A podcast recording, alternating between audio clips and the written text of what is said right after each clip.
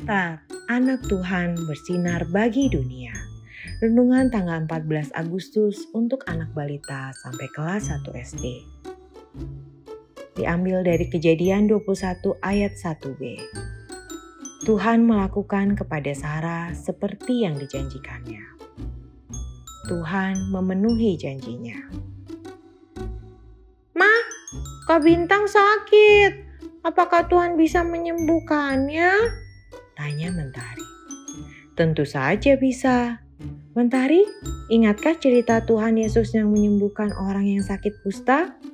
Atau orang yang lumpuh bisa berjalan?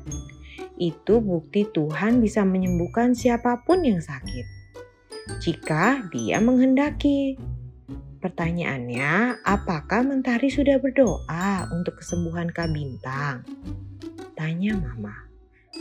Oh iya, aku belum berdoa. Aku berdoa dulu ya, Ma. Sahut Mentari.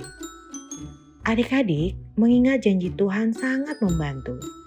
Untuk kita selalu mengingat siapa Tuhan Yesus itu. Tuhan Yesus adalah anak Allah yang maha kuasa. Yuk kita bantu mentari mencari janji-janji Tuhan dengan melingkari kata-kata di dalam box di bawah ini. Mari kita berdoa. Tuhan Yesus, terima kasih senantiasa mengingatkanku untuk selalu mempercayaimu. Amin.